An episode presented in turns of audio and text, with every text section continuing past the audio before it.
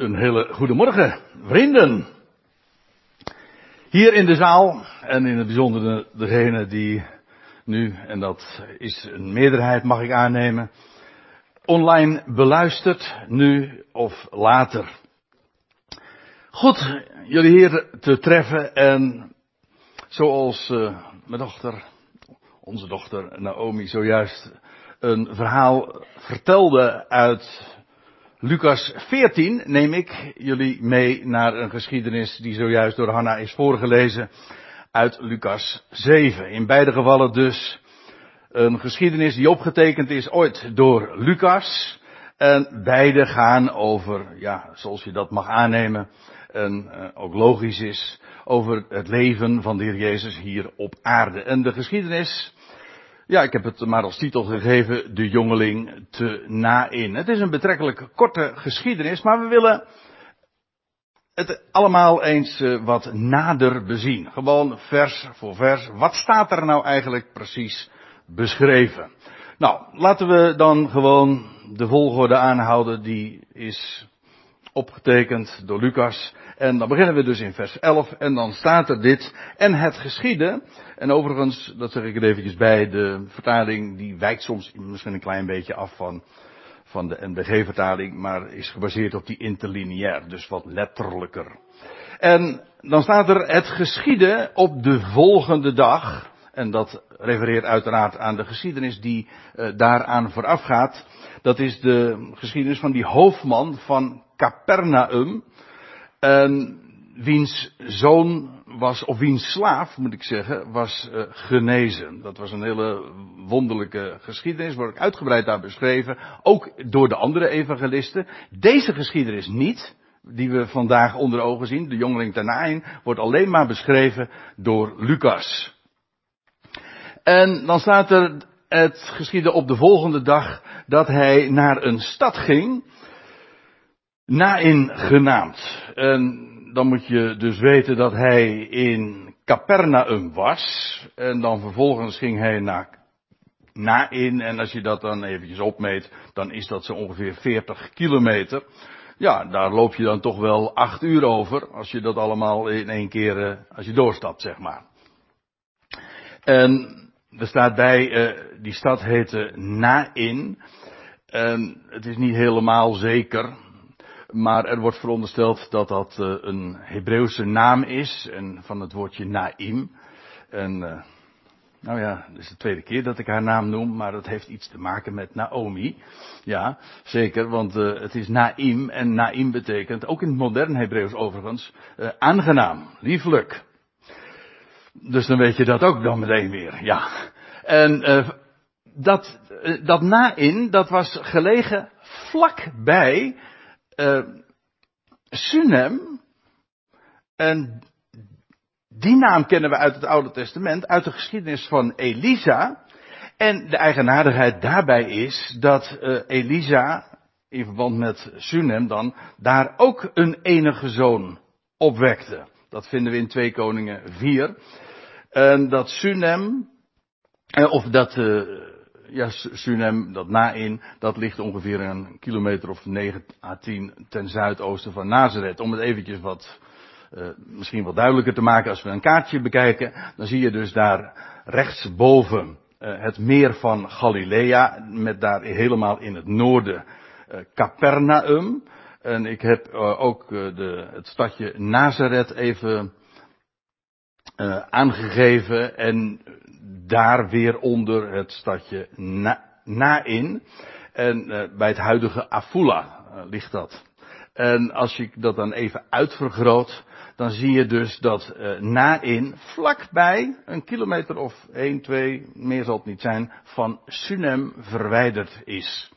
En dat was dus die geschiedenis waar Elisa ooit die, die zoon, die enige zoon, ook uit de doden opwekte. Nou, even moeten we dat in gedachten houden.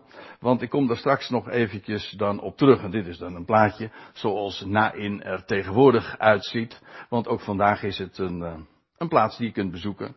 En het heet, ja, nog net zo, Nain, geloof ik, in het Arabisch. En Uh, nou, dit is uh, de landstreek, zoals dat eruit ziet. En daar staat er nog bij in Lucas uh, 7, vers 11. En zijn discipelen gingen met hem, maar niet alleen dat gezelschap, er ook nog een talrijke schare die deze tocht maakte.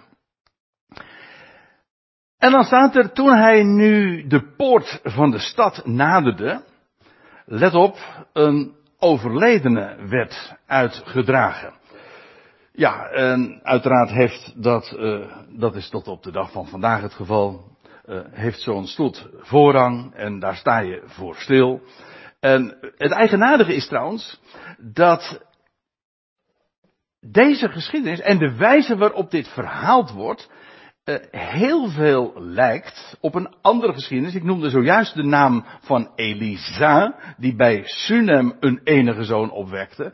Maar uh, het lijkt ook op de geschiedenis van, uh, die we vinden in 1 Koningen 17 van Elia. Die twee haal je altijd heel gemakkelijk door elkaar. Die twee hadden ook wat met elkaar natuurlijk. Maar uh, ja, de namen lijken zoveel op elkaar. En ik moet er trouwens bij zeggen dat de geschiedenissen van Elia en Elisa uh, ook zoveel op elkaar lijken. En Elisa die, ja, die doet het gewoon uh, meestal, en dat zeg ik expres op deze manier, het dubbele van wat Elia ooit deed. Maar bijvoorbeeld van die Elia, die daar in Sarfat, dat was wel een, uh, en daar vandaan trouwens, die uh, ontmoette daar ooit in Sarfat een weduwe, jazeker, ook bij de stadspoort. En van haar lezen we dan ook, ja nog veel meer, zoals een kruikje en dat raakte maar niet op, van uh, olie. Maar ook dat na verloop van tijd zij haar enige zoon kwijtraakte. En wat er dan gebeurt is dat Elia haar op, uh, op uh, of die zoon opwekte uit de doden. Dus uh, het, is, het mag ons niet ontgaan dat als je deze geschiedenis leest hier van Jezus, daar bij na, Nain, bij de stadspoort, dat dit veel connecties oproept, veel linken laat zien met geschiedenissen die we al in de Hebreeuwse Bijbel uh, aantreffen, zodat je eigenlijk daarmee al meteen ook op de gedachte gebracht wordt van, hé, hey, dat moet dan ook betekenis hebben. Dat is natuurlijk niet zomaar dat dat op elkaar lijkt. Nou, op die betekenis wil ik straks uh, graag nog wat dieper ingaan als het gaat over de, vooral de profetische betekenis. Eerst wil ik me vooral even bepalen bij gewoon de geschiedenis sec. Gewoon zoals het zich aandient. Uh, er wordt dus gezegd, een overledene werd uitgedragen, de enige zoon van zijn moeder, en zij was weduwe, en daarmee was zij helemaal onthand. Ik bedoel, het is niet alleen heel verdrietig, maar het betekende voor zo'n vrouw, die niet alleen haar man, maar bovendien ook nog eens de, de erfgenaam kwijt was, en feitelijk ook uh, een bron van inkomsten, dat was, uh, dat was dubbele tragiek. Zij was een weduwe, en ik zeg er al wel alvast bij, maar dat is waar ik straks dan wat, wat nader op in wil gaan, maar een weduwe in het algemeen is heel dikwijls ook bij de profeten een type van, van Israël die ook geen man meer heeft haar man kwijtgeraakt is. Om welke reden dan ook trouwens. Uh, het idee is. Uh, maar nee, dat moet ik er nog, ook, ook nog even bij zeggen. Om dat straks wat nader nog uit te werken. Maar een weduwe is een type van Israël. Die haar man kwijt is geraakt. Haar man. Ik bedoel de Heere God zelf. Het oude verbond is beëindigd. Maar ook dit. haar enige zoon verloren heeft. Trouwens, ja, en ik zal straks ook laten zien dat die enige zoon, dat kan niet missen, verwijst naar Jezus Christus, de Messias, inderdaad, uh, Gods enige zoon. Trouwens, als ik het zo zeg over een enige zoon die sterft, maar toch weer op een of andere manier terugkeert, ja, dat, uh, daar, daar vinden we wel meer voorbeelden van. En ik eh, verwijs hier in dit verband even naar, naar Genesis 22, die beroemde geschiedenis dat Abraham zijn enige zoon moest offeren. Uh, en ik moet erbij zeggen, ook weer terug ontving. Op de derde dag was het, ja, ook dat nog eens. En dan moeten er toch allemaal belletjes gaan rinkelen. Ah, we gaan nog even verder. Ehm, de enige zoon van zijn moeder, zij was een weduwe. En staat er dan nog bij, een aanzienlijke schade van de stad was samen met haar. Dat kon toen nog, hè, bij, uh, want tegenwoordig mag dat dan niet, maar uh, een aanzienlijke schade, dat zal, veronderstel ik toch wel meer dan 50 mannen geweest zijn. Ja. Uh, in ieder geval, de Heer staat daar, die, die, die twee groepen ontmoeten elkaar hier dus bij de stadspoort. En toen de Heer haar waarnam, wa, haar waarnam. Eigenaardig trouwens dat dat hier zo genoemd wordt. Als je het Lucas-evangelie vanaf het begin nou gelezen zou hebben, zou dit de eerste keer zijn dat Jezus de Heer genoemd wordt. Want normaal gesproken is uh, ook bij Lucas de Heer de aanduiding van God zelf. En ik wijs daar even op, omdat ik geloof dat Jezus hier eigenlijk ook die functie, die rol eh, vervult, namelijk van God zelf. Toen de Heer haar waarnam, werd hij met mededogen bewogen over haar. Er staat in het, in het, in het Grieks een woord dat is afgeleid van ingewanden. En je hoeft niet zo heel veel fantasie te hebben om te begrijpen waarom die twee met elkaar te maken hebben. Als je, als je uh, met uh, ontferming, ik geloof dat de NBG-vertaling dat zo zegt, met, ja, met ontferming bewogen zijn of met mededogen bewogen zijn. Dat heeft uh, sterk te maken met gevoelens en gevoelens associëren ook wij, ook in onze beleving, toch al heel gauw met, ja, met je maag en met de ingewanden. En op het moment dat je dingen heel intens voelt, uh, of meeleid, dan, dan, we zeggen dan, ja god, er zijn zoveel termen die daarop uh, op wijzen, maar dan keert je maag uh, om, hè? Zo, zoiets. Maar in ieder geval, het raakt je diep van binnen, ook letterlijk zelfs. En het, het Grieks drukt dat ook uit. En het is heel sterk. Het is dus maar niet alleen van, ach, kijk haar nou eens. Nee, het is echt, hij was met uh, mededogen bewogen over haar. Inderdaad, het ging hier bewegen, daar binnen, bij, in zijn ingewanden. Uh, dit, Lucas heeft een voorkeur voor uh, deze uitdrukking, want we vinden het vaker. later in de geschiedenis van, of ja, of de gelijkenis van de barmhartige Samaritaan lees je dat ook.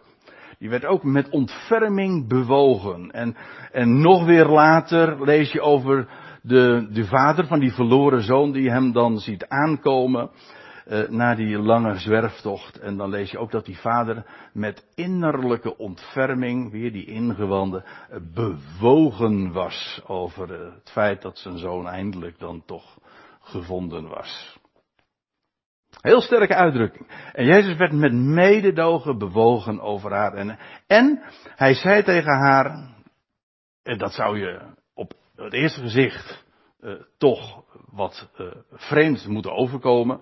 dat hij dan tegen haar zegt, huil niet. Want,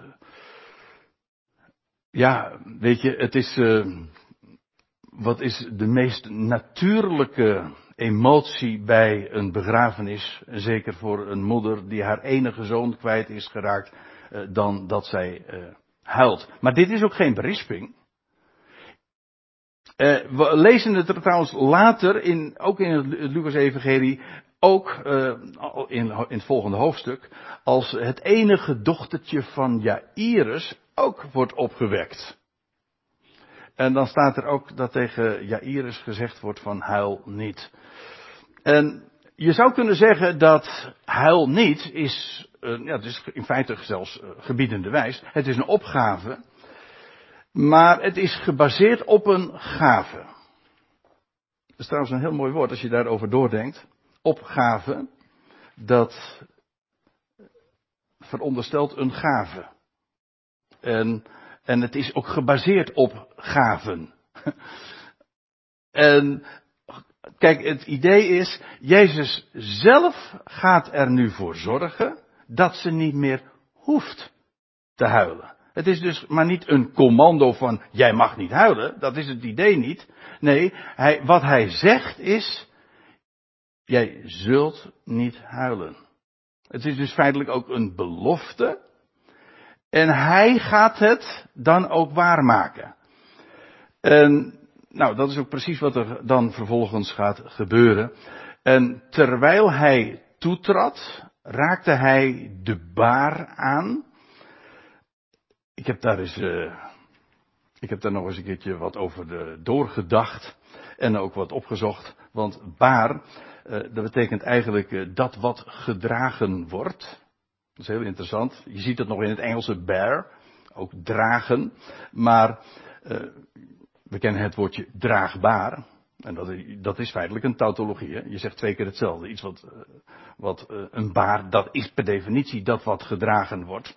Maar uh, we kennen het ook nog bijvoorbeeld in het woordje vruchtbaar. Dat betekent letterlijk dus vrucht dragen. Of in, in staat vrucht te dragen.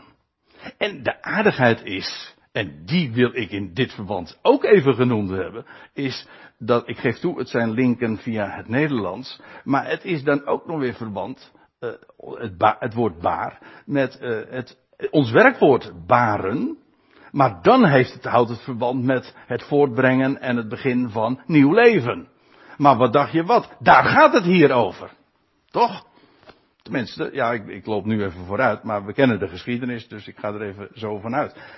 De Heer Jezus zegt dus tegen die vrouw, huil niet. Je kan het je zo voorstellen, ik heb juist gisteren op YouTube eventjes een filmpje nog zitten kijken, waarbij dat allemaal, uh, waarbij deze geschiedenis ook verfilmd uh, is. Um, ja, je, je, kan het je zo uh, heel gemakkelijk voorstellen hoe dat gegaan moet zijn. En, en hij, hij, hij spreekt haar toe, huil niet, en vervolgens, ja, zij loopt achter die baar en, en en hij raakt dan, staat er, hij raakte de baar aan. Trouwens, nog even één ding. Hij raakte aan. Dat woord wat hier gebruikt wordt voor aanraken, dat kennen we allemaal tegenwoordig. Nou ja, de meeste. Want dat is namelijk het Griekse woord haptomai. Waar ons woord haptonomie van afgeleid is. Maar dat is inderdaad, het hele idee van dat woord is aanraken. En in de Bijbel is dat ook altijd dat als je iets, iets aanraakt of bijvoorbeeld de handen oplegt of de hand geeft, dat is altijd je identificeren met. In feite doen wij dat ook. Hè? Je raakt iemand aan en je, uh, dat is, je maakt je één met. En ik moet er trouwens bij zeggen dat onder de wet was het zo dat uh, daar een bepaling was dat men een dode niet zou aanraken. Nou ja, dat kon wel, maar dan werd je daardoor onrein. En als ik dit zeg, dan wordt het uh, helemaal uh, apart, want Jezus raakt hier de baar aan, daarmee waar die dode dus oplegt, op, opgelegen is. En dan zou hij dus naar de wet gesproken onrein worden, omdat hij daarmee dus een dode aanraakt. Maar hier is het precies omgekeerd. Want niet de, de levende, Jezus, wordt verontreinigd, maar de dode wordt gereinigd. Wat zeg ik? Die dode wordt levend. En is dus niet meer dood. En daarmee uh, wordt het compleet omgekeerd. Hij raakte de baar aan en, en de dragers stonden stil. En dan vervolgens staat er, en hij zei, jongeling, ik zeg je, word gewekt. Staat net iets anders dan in de NBG-vertaling, niet sta op. Het woord is namelijk, het is gebiedende wijs, maar ook passief. Word gewekt. En wat daarin uitgedrukt wordt, is dat Jezus zegt, er moet iets gebeuren, maar die, ja, wat kan een dode? Die kan helemaal niks. Maar er wordt iets geboden en wat er gebeurt is, Jezus maakt het ook waar. Wat hij zegt is, uh, ja, is goddelijk woord. U moet zich voorstellen, alle dingen, zegt, uh, dat zegt Johannes 1, alle dingen zijn uit het woord geworden. God sprak en het was er. Er zij licht en er was licht. Dat is de kracht van Gods woord. En nu is, klinkt er een goddelijk woord uit Jezus' mond. En hij zegt, wordt gewekt. En dat het inderdaad goddelijk woord is, blijkt gewoon uit de geschiedenis zelf. Moet je je voorstellen, deze jongeling, je mag aannemen dat hij die, die dag nog overleden is, of hooguit misschien de vorige gaande dag. Dood. Een grote stoet is daarbij, hij gaat begraven worden, en dat Jezus dan gebied wordt gewekt.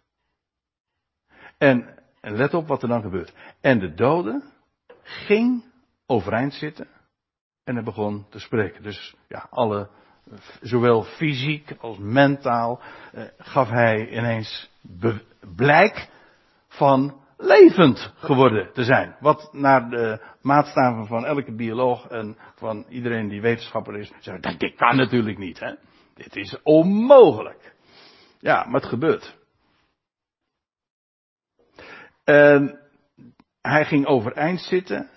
Ook dat, ja, het is, het is, een, het is een geschiedenis. Zo, het wordt beschreven. En je kunt het je ook heel gemakkelijk zo voorstellen hoe dat gegaan is. Hoe onvoorstelbaar het dan ook mogen zijn. Uh, er staat nog bij trouwens. En hij gaf hem aan zijn moeder. Uh, hij is Jezus. Uh, het, het idee is dat de opwekking van die zoon een daad is van ontferming over de moeder. Hij was met ontferming, Jezus was met ontferming bewogen over die vrouw. En hij geeft hem, nu hij levend geworden is, aan die moeder terug. En natuurlijk, je kunt zeggen, hij heeft zich ontfermd over die jongen. Dat is zo, maar het accent ligt hier in deze geschiedenis op die vrouw. Die vrouw krijgt haar zoon terug. En ja, wat heeft zij gedaan? We weten eigenlijk niks van deze vrouw, behalve dan dat ze weduwe was en dat dit haar enige zoon was. En er wordt eigenlijk ook geen enkel werkwoord eigenlijk in, verband met haar vermeld, behalve dan dat zij huilde.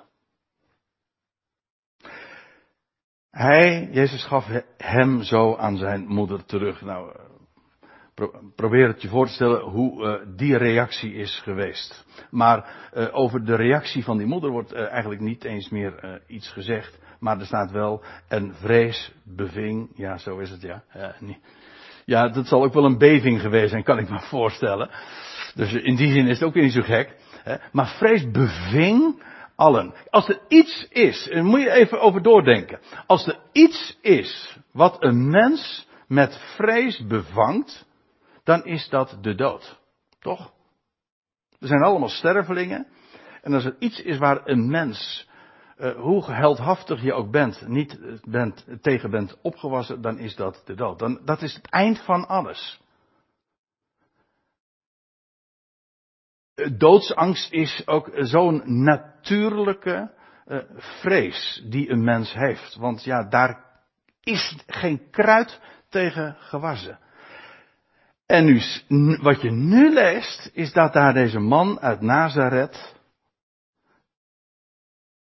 daar die ontmoeting heeft met die stoet en, en, en die jonge man, opwekt uit de doden. Hij zegt, wordt gewekt. En hij zit overeind, hij gaat spreken, hij leeft. En de hele schaar, je kunt voorstellen, zowel die, die stoet die met Jezus vanuit Capernaum was meegereisd, vervolgens die hele stoet die uit de stad ging om deze jongeling te begraven.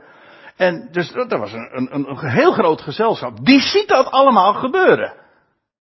Nou, wat, wat denk je dat er, wat, wat er dan, dan de reactie moet zijn? En vrees beving allen. Niet in de zin van uh, dat ze bang waren voor Jezus. Nee, het was meer het ontzag voor iemand die sterker blijkt dan de dood. Hoe groot moet hij zijn? Overigens, ik moet erbij zeggen, uh, het feit dat Jezus dit deed, bij herhaling, want dit is de geschiedenis van na, de jongeling te na in. Uh, in het volgende hoofdstuk krijg je de geschiedenis van die, dat dochtertje van Jairus. We weten ook nog de geschiedenis van Lazarus. Die was trouwens al een paar dagen dood en, al, en, en begraven. In die zin ook zelfs nog opklimmend zou je kunnen zeggen. Maar dit is het bewijs, of een van de bewijzen, of zal ik nog anders zeggen, een climax in de bewijsvoering. Dit is de man die wij verwachten. Op grond van Gods belofte. Die op grond van wat er, ja, wat de Joodse Bijbel, de Tenach, het Oude Testament, allemaal had gezegd over hem die zou komen. De beloofde, de beloofde Messias. Hij moet het zijn. De genezingen bewezen dat, zijn woorden bewezen dat, zijn hele identiteit enzovoorts, eh, waar hij geboren was, eh, enzovoorts, enzovoort. De, het tijdstip dat hij optrad, het, het sprak allemaal, maar het feit dat hij nu ook bewees sterker te zijn dan de dood, ja, dat is niet menselijk. Dat is volstrekt ongekend, gaat boven elk menselijk vermogen uit. En vrees beving alle, niemand uitgezonderd. En ze verheerlijkte God. Ja, wat dacht je wat? Dat kan namelijk niet uh, anders dan aan hem worden toegeschreven. En daar staat er nog bij, terwijl zij, dus die, die allen, die, die, hele grote schare die hier getuigen van was, uh, zij zeiden tegen elkaar, een groot profeet onder ons werd verwekt. En ik zei zojuist al eventjes, ja, dit lag uh, tegen uh, Sunem aan waar ooit Elisa dus optrad. En hetzelfde min of meer deed. Of Elia, ik verwees al even kort in het voorgaande naar beide geschiedenissen. Daar deed het aan denken. Maar groter dan hij, groter dan deze Elisa, groter dan Elia, was nu in hun midden. En ja, dat getuigen zij. En ze zeiden er nog iets bij. En die wil ik er even uitlichten. In het bijzonder. Want er staat wij en God ziet om naar zijn volk. Hij is begaan met zijn volk. En waarom vind ik deze bijzonder? Omdat uh, ik al even eerder aangaf, deze weduwe een type is van Israël. Kijk, als er hier staat van uh, dat, ja, waar deze schare nu getuige van is, God ziet om naar zijn volk. Ja, maar wat was er nou gebeurd? Dat Jezus omzag naar deze weduwe. Toch?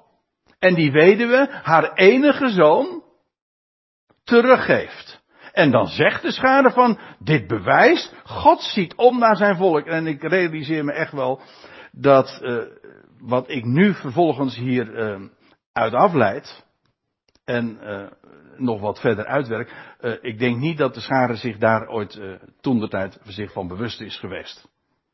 Dat weet ik niet, maar dat denk ik zo. Maar het doet ook niet de zaken. Zij zeggen, deze geschiedenis, dat deze weduwe haar enige zoon terugkrijgt, dat bewijst, God ziet om naar zijn volk. Maar dat vind ik zo geweldig, want inderdaad is dat zo. God ziet om naar zijn volk dat ook de status heeft van een weduwe. Een verlatene. Wat niet helemaal hetzelfde is, maar de overeenkomst is in ieder geval dat beide geen man meer hebben. En eigenlijk is dat ook de situatie van Israël uh, sinds de beëindiging van het oude verbond. Dat is een wat ingewikkeld verhaal om dat nu even in één minuut te vertellen. Maar in ieder geval, uh, de man is weg. Waar is de man? Waar is, uh, waar is God? Wel, God ziet om naar zijn volk.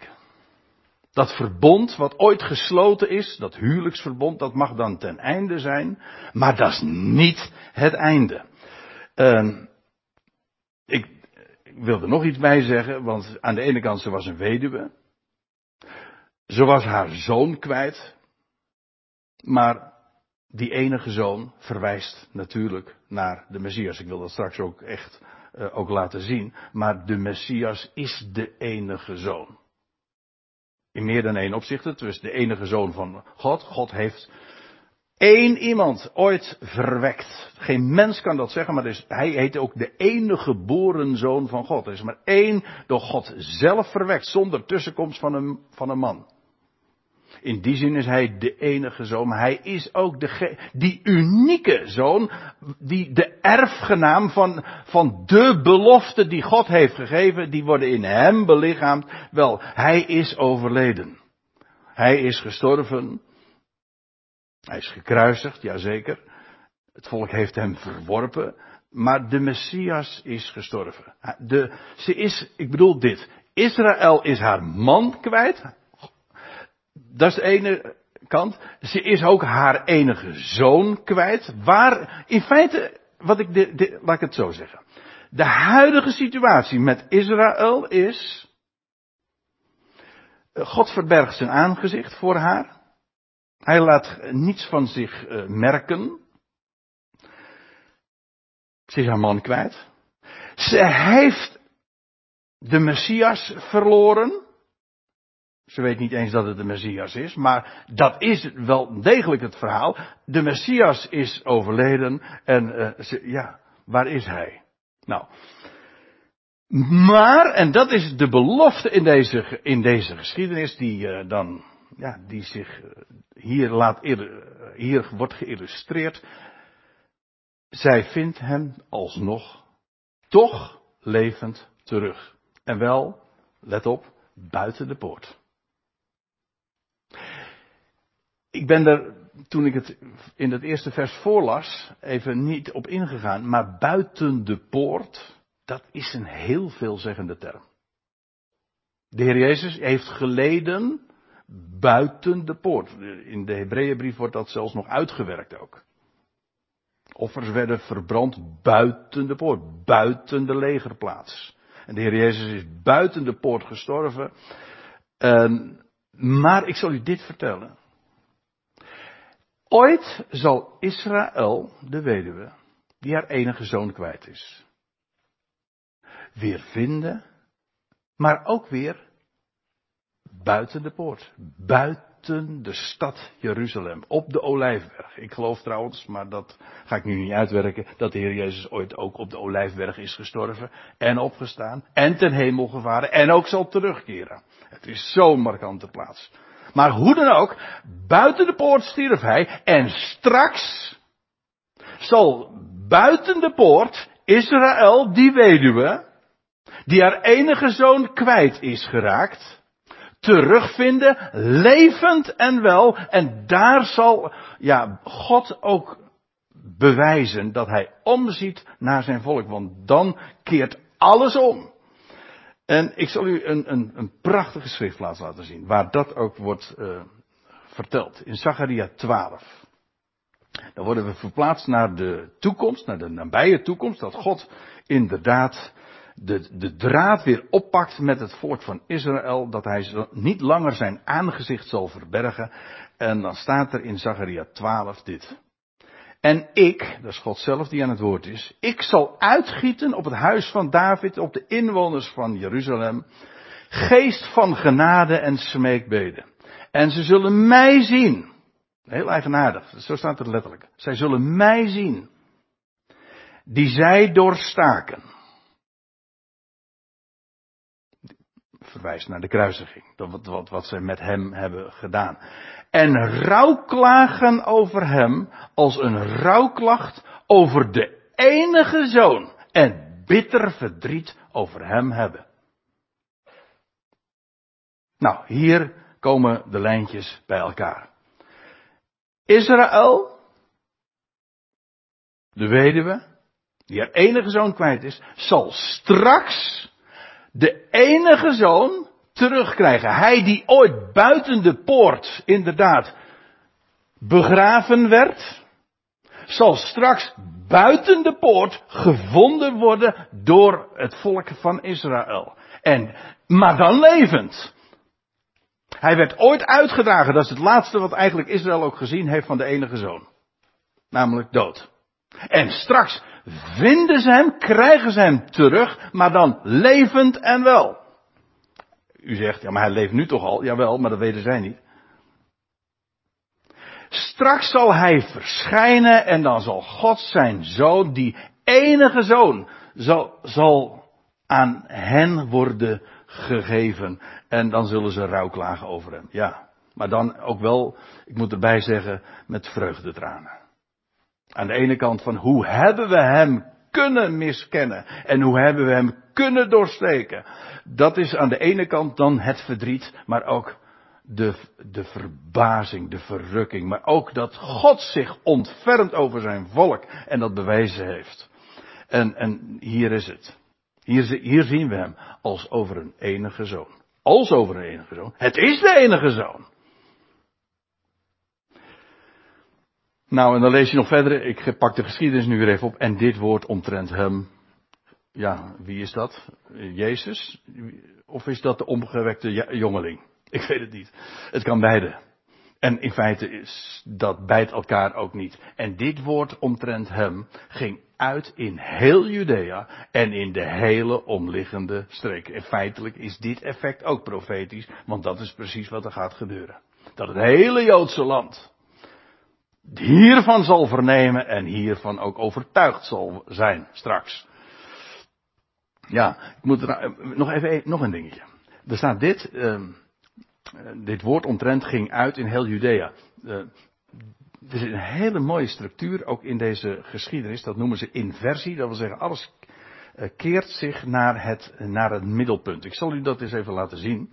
Want deze geschiedenis begon in vers 11 met de Heer en hij ging na in in. En wat je dan ziet is dat het over, dat begin komt overeind met, één met het einde. Met vers 17. Dan lees je ook weer over de Heer, maar dat dan het woord vanuit na ingaat. Dan krijg je het tweede, dan lees je over de schare en de Heer, maar zo is, dat is ook het één na laatste. En dan krijg je het derde, dan wordt er gesproken over de dode en zijn moeder. En dat komt weer overeen met het twee na laatste, namelijk de, opges de opgestane en zijn moeder.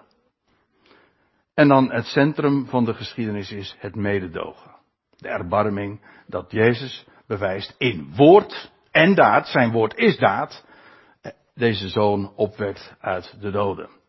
Zodat je ziet, dit is het middelpunt. Maar er zit een prachtige opbouw uh, in, in, deze, in deze geschiedenis. Het woord ging uiteindelijk uit vanuit na-in.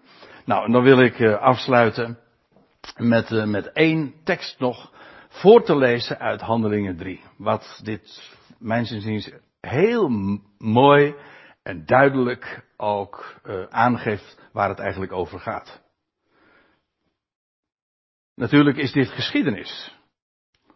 Ja, maar het is veel meer dan geschiedenis. Het is een plaatje van hoe God omziet naar zijn volk en hoe hij dat daadwerkelijk ook gaat bewijzen. En God, hoe God zijn volk, een weduwe, haar enige zoon teruggeeft. Hij die dood was, maar die levend geworden is. Nou, ik lees voor. En dit is uit een toespraak van Petrus op het Tempelplein. Niet lang na de Pinksterdag, dan lees je dat uh, hij dit zegt. Jullie, en dan spreekt hij zijn volksgenoten aan. Jullie zijn de zonen van de profeten, ook de erfgenamen van de profetie. En van het verbond dat God met jullie vaderen maakte. Toen hij tot Abraham zei, en in jouw zaad Isaac, de enige zoon, ja, ja, zullen alle afstammelingen van de aarde worden gezegend. Kijk, dat is het perspectief dat God voor ogen heeft.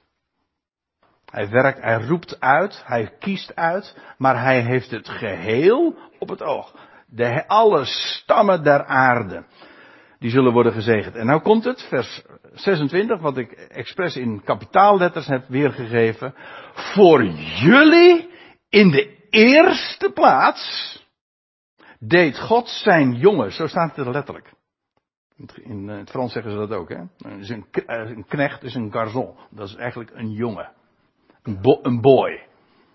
Nou, God heeft zijn jongen, die jongeling, God heeft voor jullie in de eerste plaats zijn jongen um, opgewekt. Of hij deed God uh, zijn jongen opstaan. En vaardigde hem af om jullie te zegenen. In het afkeren van jullie boosheden. Waarom ik dit zeg, is God ontfermt zich over zijn volk. Natuurlijk, hij heeft de hele wereld op het oog. Waarvan akte. Maar wat je ziet in de evangelie, God kijkt om naar zijn volk en hij is daarmee bewogen. En dit is niet alleen maar een geschiedenis. Dit is een veel grootser plaatje. Dit is een belofte voor de toekomst. En ik zeg erbij, en laat ik daar dan mee afsluiten. In de eerste plaats heeft hij zijn zoon opgewekt voor die weduwe, voor dat volk. Jawel. In de eerste plaats. Maar hij geeft hem over, inderdaad, voor alle stammen der aarde. Voor alle mensen. Want zo groot denkt God en zo groot is ook zijn liefde. En daar wilde ik het voor vanmorgen graag bij laten.